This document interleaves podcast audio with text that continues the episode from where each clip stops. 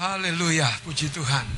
Ketika kita datang ke rumah Tuhan, kita harus mengerti bahwa rumah Tuhan bukan hanya tempat kita beribadah, tapi tempat di mana kita dilatih, tempat di mana kita di, diselaraskan, di adjustment.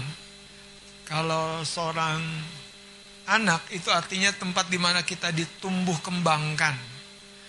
Dan untuk itu kita harus bersedia makan pada porsi-porsi yang berbeda. Setuju ya? Amin. Ya. Kalau anak kita uh, kita mau dia tumbuh makin besar, makin sehat, tulangnya makin padat, tentu ada makanan-makanan yang berbeda yang perlu kita berikan kepada mereka. Saya berdoa, kita pun demikian.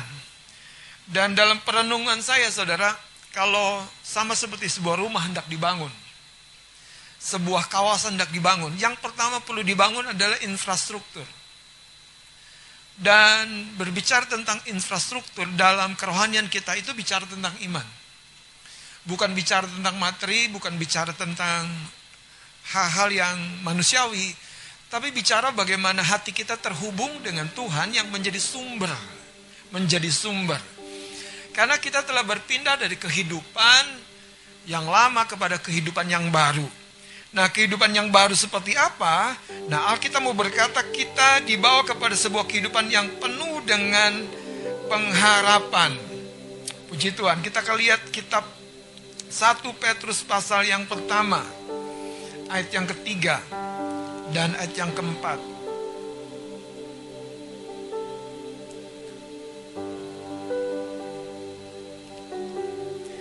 Ayat yang ketiga dan keempat saya akan baca pengharapan iman dan kasih. Terpujilah Allah dan Bapa Tuhan kita Yesus Kristus yang karena rahmatnya yang besar telah melahirkan kita kembali. Melahirkan kita bukan secara lahiriah tapi secara rohani.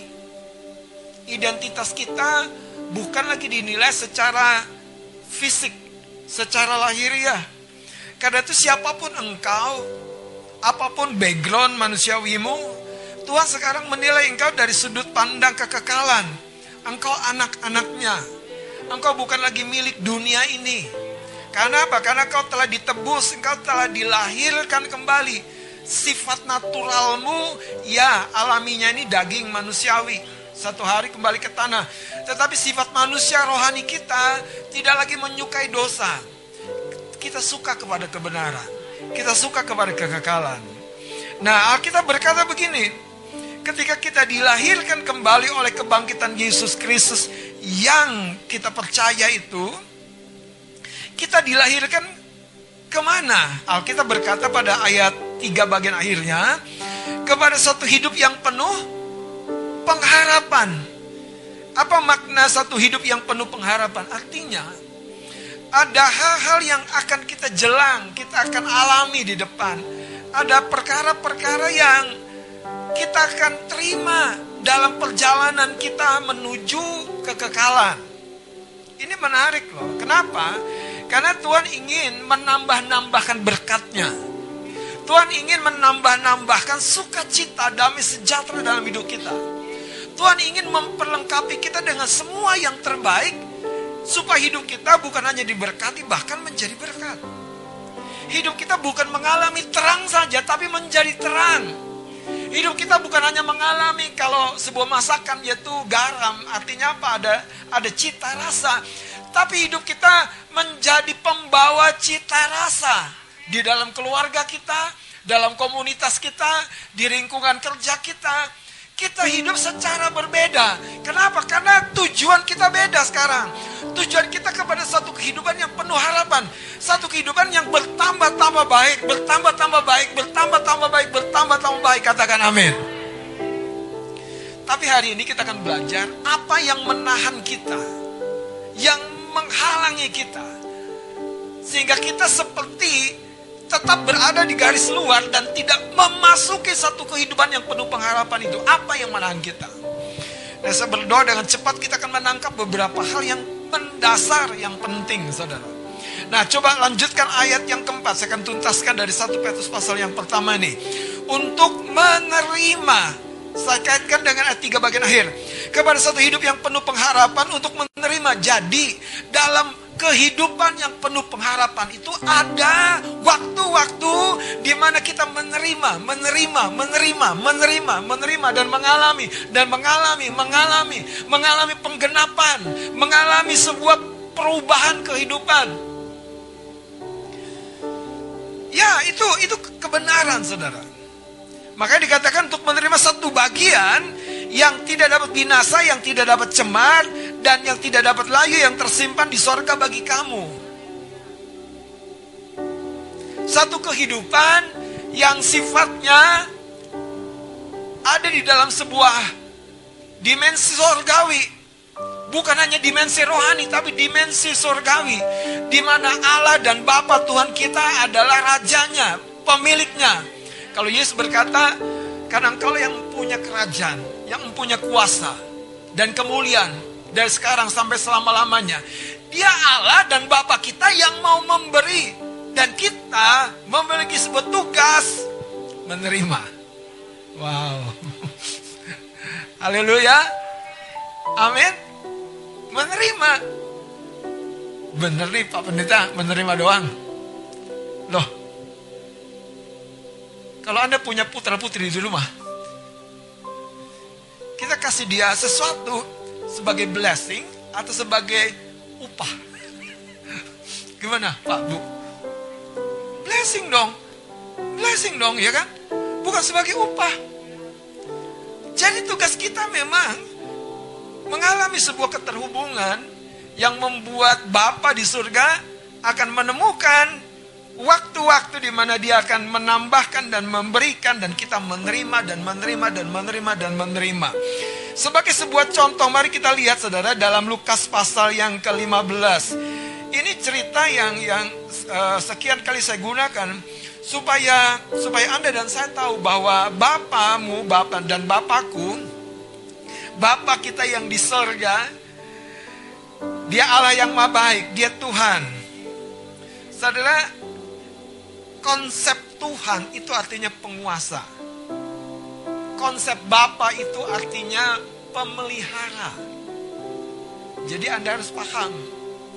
Jadi kalau Anda panggil dia Tuhan, dia artinya berkuasa. Kalau kita panggil dia Bapa, artinya dia memeliharakan kita. Nah, Yesus memakai cerita di Lukas pasal 15 ini untuk mengajarkan kita bahwa dia pemelihara, dia Bapa kita. Mari kita lihat saudara. Ayat yang ke-11 langsung. Yesus berkata lagi ada seorang mempunyai dua anak laki-laki. Lukas 15 ayat 11. Dua orang anak laki-laki. Kata yang bungsu kepada ayahnya. Bapak berikanlah kepadaku bagian harta milik kita yang menjadi hakku. Lalu ayahnya apa? Membagi-bagikan harta kekayaan itu setelah anaknya bekerja. Tidak. Karena anaknya meminta. Karena anaknya datang karena anaknya mengalami sebuah perjumpaan. Tapi sayang, si bungsu ini belum memiliki sebuah kedewasaan. Apa yang diberikan difoya-foyakan, dihambur-hamburkan habis. Terus apa yang terjadi? Coba lihat 16-nya. Waktu dia ada di negeri orang, di negeri asing, lalu ia ingin mengisi perutnya dengan apa?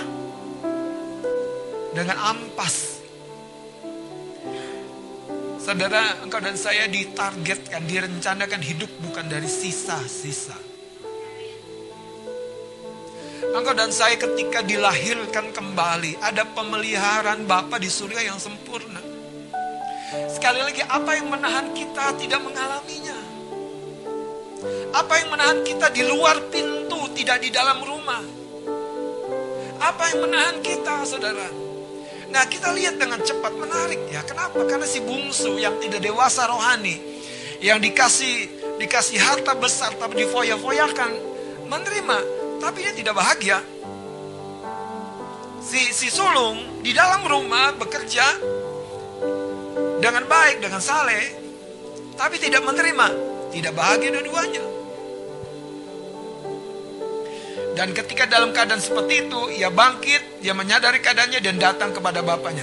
Nah, saya mau ajak Anda dengan cepat di Lukas 15 ini, lihat ayat yang uh, ke 29 langsung. Lalu tetapi ia menjawab ayahnya ini si, si, si sulung kakaknya dari si bungsu yang tadi tuh ya. Coba lihat saudara. Tetapi ia menjawab ayahnya. Anda perhatikan baik-baik. Telah telah telah jadi saudara lama sebentarnya kita jadi orang Kristen itu bukan patokan bukan patokan tapi ketika Anda mengalami sebuah pengalaman-pengalaman yang makin dalam, makin intim dengan Bapa di surga. Karena dia penyedia. Dia penyedia. Dia penyedia. Dia penyedia. Amin. Haleluya. Ada seorang bapak yang tidak susah karena anaknya mau sekolah nggak ada biaya. Pasti dia susah. Pasti dia kepikiran Pasti. Bapak mana yang ketika anaknya memohon uh, apa uh, sarapan dan dan dia berkata enak aja kamu kerja dulu, nggak ada. Dia akan selalu dengan cepat. Masalahnya bapamu dan bapakku dia maha kaya dan maha pemurah. Artinya lebih daripada engkau memohon-mohon, engkau sebetulnya mendatangi dia dalam penyediaan yang limpah. Tapi sekali lagi, apa yang membuat kita tidak bisa mengalaminya? Kita akan lihat ya saudara. Ayat ini menarik, dikatakan begini. Ayat 29. Aku melayani Bapak, bertahun-tahun aku melayani Bapak dan belum pernah aku melanggar perintah Bapak, tetapi kepadaku belum pernah Bapak memberikan seekor anak kambing untuk bersuka cita dengan sahabat-sahabatku. Tetapi baru saja datang anak bapak yang telah memboroskan harta kekayaan bapak bersama-sama dengan pelacur-pelacur, maka bapak menyembeli anak lembu tambun itu untuk dia. Untuk apa? Untuk pesta, untuk bersuka cita. Kata ayahnya kepadanya, anakku engkau selalu bersama-sama dengan aku. Dan segala kepunyaanku, kata sang bapak adalah kepunyaanmu. Oke saudara. Mari kita lihat saudara, apa yang menahan kita tidak mengalami kehidupan yang penuh dengan pengharapan itu. Apa saudara? Ada dua hal paling tidak yang kita akan uh, lihat. Yang pertama kita akan melihat dari Ibrani pasal yang ketiga.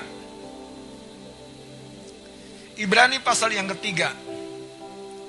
Ayat 17 sampai 19 kita akan baca bersama-sama. Ibrani pasal yang ketiga ayat 17 sampai ayat 19. Mari kita bangkit berdiri. Saudara firman butuh respon. Ketika kita membaca biarlah sikap kita turut berpartisipasi. Pendengaran kita turut berpartisipasi. Gairah kita turut berpartisipasi. Sama seperti kalau kita mendengar saudara sebuah kabar bahwa ya di akhir tahun ini ada sale night sale gitu kan. 50 sampai 80 persen off gitu. Di Gandaria City dekat kan sambil lewat. Nah terus apa respon anda? Biasa-biasa aja om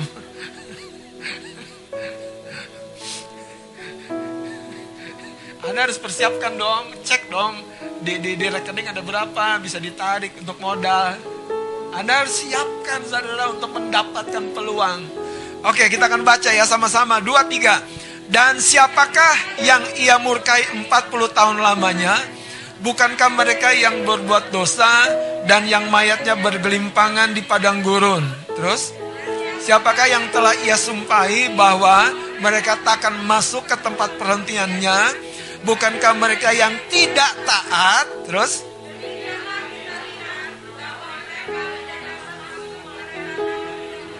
Baca sekali lagi ayat 19 ini. Demikianlah kita lihat bahwa mereka tidak dapat masuk oleh karena Haleluya, terima kasih Tuhan Yesus berkati. Silakan duduk. Mereka tidak dapat masuk. Demikianlah kita lihat apa sih maknanya? Jadi kita harus pahami banyak hal bisa terjadi dalam hidup kita, tapi satu hal, Jangan kita kehilangan kepercayaan kita. Makanya, itu yang tadi saya bilang, infrastruktur itu adalah iman, pengharapan, dan kasih. Itu tiga pilar kehidupan yang akan mengembangkan kita mencapai semua bagian yang terbaik yang memang Bapa sudah sediakan. Saudara, iman tidak dapat dibandingkan dengan emas, lebih mahal. Iman tidak dapat dibandingkan dengan uang, terlalu tinggi. Karena iman nilainya hidup kekekalan. Iman nilainya bukan hanya berlaku di muka bumi, tapi membawa kita sampai kepada kekekalan. Dalam cerita ini, mereka tidak percaya. Tidak percaya, saudara, bukan berarti tidak melihat kemampuan Tuhan. Mereka tidak percaya bukan tidak melihat pertolongan Tuhan. Di kitab Ibrani ini banyak pelajaran yang bagus, saudara. Jadi ketidakpercayaan itu saya mau bongkar itu kenapa sih bentuknya jadi ketidakpercayaan? Ternyata yang pertama adalah ada hati yang keras. Anda pernah jumpa sama uh, keluarga, teman, anak, pasangan yang kalau diomongin masih susah. Dia selalu tetap pada pendiriannya. ya om itu saya. Ah Makanya jangan lihat kanan kiri dulu. Ya itu saya. Saudara, pendeta juga manusia. Banyak konflik saudara. Hal-hal yang kadang-kala tanpa saya sadari. Itu merayap masuk mengganggu stabilitas yang di dalam. Sampai saya mulai melihat hidup yang penuh pengharapan itu dari kacamata yang buram. Sehingga saya berpikir hidup yang penuh pengharapan itu sebetulnya omong kosong. Kenapa? Karena kacamata saya sudah diburamkan oleh kekecewaan. Apa yang paling membuat Anda tidak bisa berdamai dengan sesama? Apa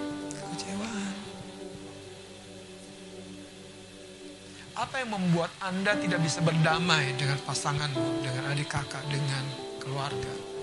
Tidak mau mengampuni, kecewa. Sudah terlalu sakit, terlalu pahit. Apa yang menjadi senjata ampuh di akhir zaman nih dari setan? Kekecewaan. Dan kekecewaan yang menarik kadangkala terjadi justru di hubungan-hubungan yang paling dekat dan dimulai dari hal-hal yang sangat sederhana. Yohanes Pembaptis kecewa dengan Yesus. Hampir dia mau meninggalkan garis pertandingannya. Kenapa? Sudah melayani dengan baik, dia di penjara, betul gak? Ya di penjara Yohanes Pembaptis. Pada dia pertama kali yang akan yang yang telah membuka jalan bagi pelayanan Yesus. Kekasih-kekasih Tuhan. Ketidakpercayaan itu bukan tiba-tiba datang. Ketidakpercayaan itu bukan tiba-tiba menyelinap masuk. Ketidakpercayaan itu datang ketika hati kita kita tidak jagai. Coba buka Ibrani pasal yang ketiga. Ayat yang ketujuh saya akan baca. Sebab itu seperti yang dikatakan roh kudus pada hari ini jika kamu mendengar suaranya, jangan keraskan hatimu seperti dalam kegeraman. Pada waktu pencobaan di padang gurun. Jadi begini saudara ceritanya. Pada waktu itu umat Israel berjalan melintasi padang gurun. Menuju tanah perjanjian, tanah kanan. Tanah yang berlimpah susu dan madu. Tanah yang penuh dengan janji kehidupan yang baik melintasi padang gurun. Jadi padang gurun itu pelintasan. Padang gurun itu bukan tempat dirikan rumah. Tapi sayangnya saudara, mereka bisa berlama-lama di situ karena kekecewaan. Satu ketika mereka tidak dapat air. Ketemulah satu sumur yang namanya sumur Mara. Kenapa dikatakan Mara? Karena mata air di sumur itu pahit. Kalau kita punya mimpi bahagia di rumah tangga, tiba-tiba yang ada kemarahan, konflik, duka cita, kepahitan mulai merayap masuk. Kalau kita mimpi di bisnis, di pekerjaan kita maju, tumbuh, berkembang, tiba-tiba tutup, gagal, bangkrut, hancur, kepahitan mulai masuk. Ketika kita berpengharapan anak kita tumbuh dengan baik, jadi orang hebat, tiba-tiba dia justru nakal, tidak terkendali, saudara. Dan kita bilang, kadang-kadang itulah papa. Mamanya bilang, papanya bilang, itulah mama. Dan kita mulai cari kambing hitam.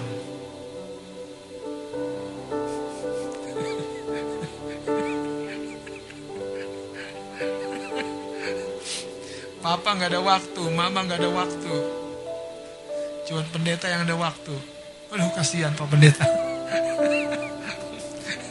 Kalau center 24 jam. Saudara, sumur waktu dilihat di padang gurun kekeringan itu timbul apa? Pengharapan kan? Tapi waktu ketemu sumur mata airnya apa? Pahit. Dan itu yang membuat umat Tuhan marah, kecewa, dan mereka nggak tahan. Yang menariknya saudara, hal yang kedua, mereka mulai merubah persepsi mereka. Kalau kita bilang Tuhan itu baik, selama-lamanya baik, teramat sangat baik. Apakah tanggal muda? Apalagi dapat uh, elusan dari atasanmu, kerjamu baik, aku tambahkan bonus ya. Aduh, Tuhan baik sekali. Tapi Anda waktu kerja bagus, lembur-lembur, eh didamprat. Eh dipotong pula. Tuhan Yesus baik. Terus ada yang bilang suamiku aja yang baik. Saudara, persepsi itu cara kita melihat, cara kita menerima keadaan.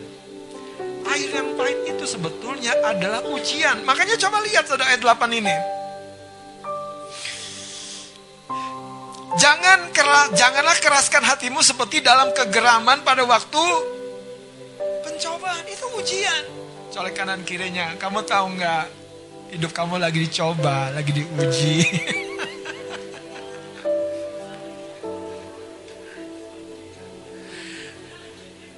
Kalau engkau ketemu sumur, eh airnya pahit.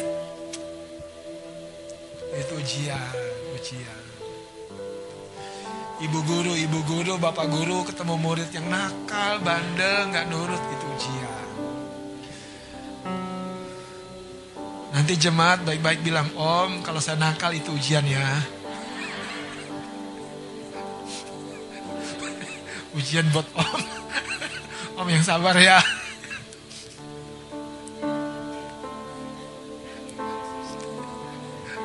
Makanya kadang-kadang tuh saya suka geli loh kalau jemaat doain Pak Gembala. Tambahkan hikmat. Berikan pewahyuan dalam hati saya. Dikasih hikmat, dikasih pewahyuan. Boya doa, berikan kami hati yang tunduk dengan dengaran.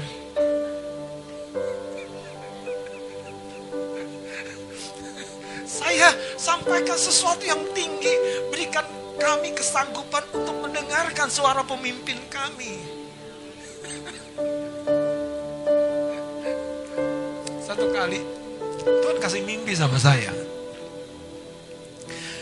Maaf ya, ini bahasa saya. Mimpinya tuh receh. Karena di mimpi itu saya bagi-bagi mie instan sama beberapa orang. Dan saya lihat orang-orang itu adalah jemaat. Saya bagi-bagi mie instan. Gak lama mereka berangkat pergi meninggalkan saya dengan membawa mie instan. Eh nggak lama datang lagi. Om ini gimana masaknya? Waktu dia datang saya langsung shock. Ya Tuhan mie instan aja nggak bisa masak. Anda paham gak sih maknanya? Jadi maknanya begini saudara. Sampai hal yang paling simpel saja. Engkau harus ajari mereka. Untuk mengolahnya. Saudara dengerin saya. Mata air pahit Engkau perlu olah dengan iman. Makanya infrastruktur imanmu jangan kendor. Kalau kendor, kau akan lihat dengan apa hawa nafsu manusia dagingmu. Mana Tuhan, mana Tuhan, mana Tuhan, mana Tuhan. Kau akan kecewa. Tapi kalau kau punya iman, kau punya daya tahan. Untuk melihat musim yang tidak menguntungkan sebagai jalan. Tuhan akan berikan peluang. Saudara tujuh tahun kesusahan buat Yusuf di Mesir menjadi kesempatan Yusuf mengelola kekayaan yang terbaik, yang termahal. Untuk apa? Jadi seorang apa? Penguasa. Kenapa? Karena ketika tujuh tahun kelimpahan sebelumnya, Yusuf bilang gini, seperlima hasil negeri ini tabung, tabung, simpan, simpan, simpan. Dan ketika tiba tujuh tahun kesusahan aneh, kesusahan justru jadi masa promosi. Saya mau katakan saudara, kalau engkau mengalami kesusahan, dengar kata-kata saya, ini firman. Tuhan tidak berubah. Dia tetap pemegang master key dari hidupmu. Dia yang akan membawa engkau memasuki tadi hidup yang penuh pengharapan. Engkau tidak memasukinya dengan langkah kakimu sendiri. Dia yang akan membawa engkau. Tapi mulai dari hal yang pertama, Jangan kehilangan kepercayaanmu. Jangan tidak percaya. Dan itu dimulai ketika engkau membiarkan kekecewaan merayap di hatimu. Saudara orang kecewa kenapa sih? Karena pengharapannya tidak disesuaikan, saudara. Iya. Lihat ayat ini. Ketika mereka terima air dan airnya pahit, Tuhan ubah airnya menjadi manis. Ya, menjadi manis. Tetapi lihat saudara ayat sembilannya, di mana nenek moyangmu mencobai aku dengan jalan menguji aku, sekalipun mereka melihat perbuatanku 40 tahun lamanya. Itu sebabnya aku murka kepada angkatan itu dan berkata selalu mereka sesat hati dan mereka tidak mengenal jalanku. Sehingga aku bersumpah dalam murkaku mereka takkan masuk ke tempat perhentianku. Jadi saudara, kekerasan hati. Hari ini izinkan firman mengingatkan kita, saudara. Ayo lembutkan hati. Kadang-kadang di dalam ini udah ngomong. Tapi kita kerasin hati. Di dalam ini udah ngomong. Kita lawan. Saudara, saya berdoa justru lihat ayat 13. Dari mana itu yang membuat hati kita keras? Ternyata ada tipu daya. 13 tolong salah seorang baca. Ibrani 3. Ya, ayat 13. Tetapi nasihatilah seorang akan yang lain setiap hari selama masih dapat dikatakan hari ini supaya jangan ada di antara kamu yang menjadi tegar hatinya karena tipu daya dosa. Ya, tegar, keras, tegar. Keras. Saudara, di waktu-waktu pandemik ini, gereja tidak terhindar, hindarkan harus online. Dan banyak jemaat kehilangan imannya. Mereka mulai kembali kepada pola yang lama. Ya ibadah diukur hanya sebatas menonton tayangan. Bukan salah dalam menonton tayangannya. Tapi saudara saya mau beritahu, lebih daripada itu, kita harus rasakan sesuatu di hati kita. Kenapa? Karena poinnya tadi, kalau tidak hati kita akan keras.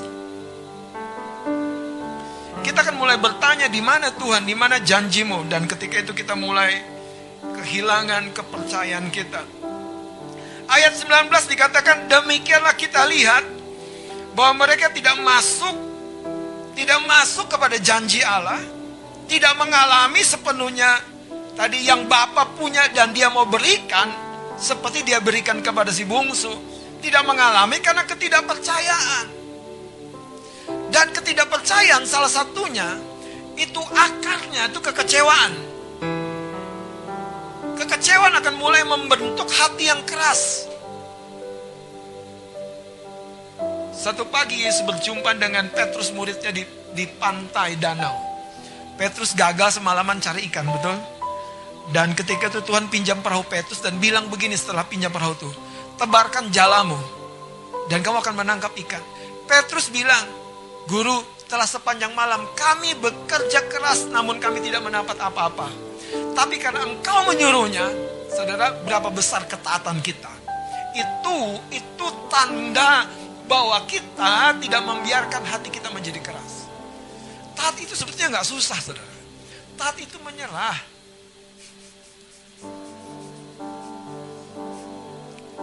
Kadang suami susah menyerah sama istri.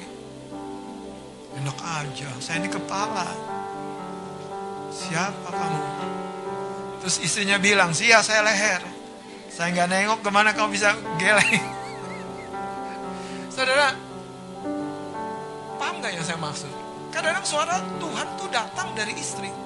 Suara Tuhan tuh datang dari tetangga. Suara Tuhan tuh datang dari anak kita. Masalahnya di hati kita mulai ada gangguan-gangguan. Sehingga kita menerimanya bukan dengan hati yang lembut. Dan kita tidak percaya. Kita lihat satu kisah yang kedua. Dengan cepat kita buka kitab bilangan.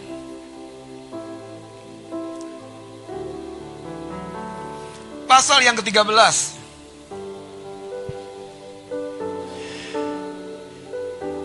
Mari kita lihat ayat 31. Saudara, proses di padang gurun itu proses seperti kita di muka bumi ini, di dunia ini. Percaya Yesus, percaya anugerah, percaya kemurahan Tuhan, tapi tantangan masih ada, ujian masih ada, pencobaan masih ada. Satu yang hal yang kita pelajari tadi, jangan keraskan hati. Lihat saudara 31. Tetapi orang-orang yang pergi bersama-sama dengan dia berkata, kita tidak dapat maju menyerang bangsa itu karena mereka lebih kuat daripada kita. Ada ada 12 pengintai dan 10 pengintai yang tidak percaya itu berkata tentang bangsa di tanah kanan itu, mereka lebih kuat daripada kita. Ayat 32. Juga mereka menyampaikan kepada orang Israel kabar buruk tentang negeri yang diintai mereka dengan berkata, negeri yang telah kami lalui untuk diintai adalah suatu negeri yang memakan penduduknya. Dan semua orang yang kami lihat di sana adalah orang-orang yang tinggi-tinggi perawakannya. Juga kami lihat di sana orang-orang raksasa, orang enak yang berasal dari orang-orang raksasa. Coba lihat kalimat-kalimat terakhir ini. Dan kami apa? Lihat diri kami seperti dan demikian juga mereka terhadap kami. Hal yang kedua, saudara, yang membentuk ketidakpercayaan yang membuat kita tidak memasuki memasuki dan mengalami janji Tuhan adalah ketika hati kita, saudara, mulai dipenuhi dengan persepsi-persepsi yang negatif, yang buruk. Coba lihat saudara, mereka belum berperang, tapi mereka bilang bangsa yang ada di tanah kanan itu lebih kuat. Penilaian dari mana? Dari persepsi, dari penilaian. Apakah awan gelap selalu akan turun hujan? Apakah cuaca terang selalu akan panas terik? Kok percaya sih? Enggak.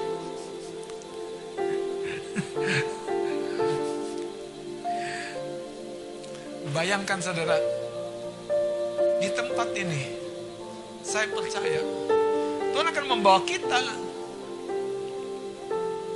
Masalahnya tadi, kita harus izinkan hati kita lembut, hati kita bersih, lewati pencobaan, ujian, justru pembentukan tadi itu iman, harap dan kasih itu jadi matang.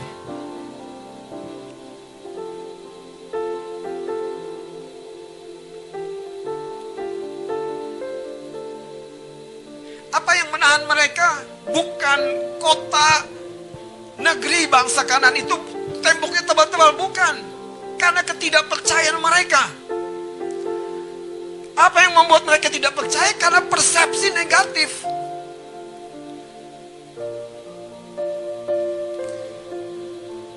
Setelah varian Delta ini ada varian apa lagi?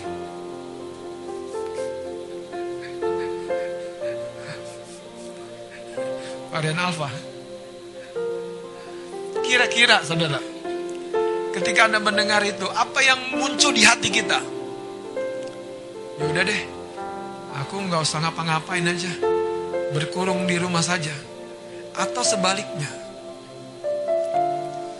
Saya mendengar sebuah cerita yang menarik. Ada beberapa orang yang dari biayanya sendiri membangun sebuah perusahaan yang mengadakan uh, alat-alat tes PCR dan membentuk sebuah perusahaan yang sifatnya amal.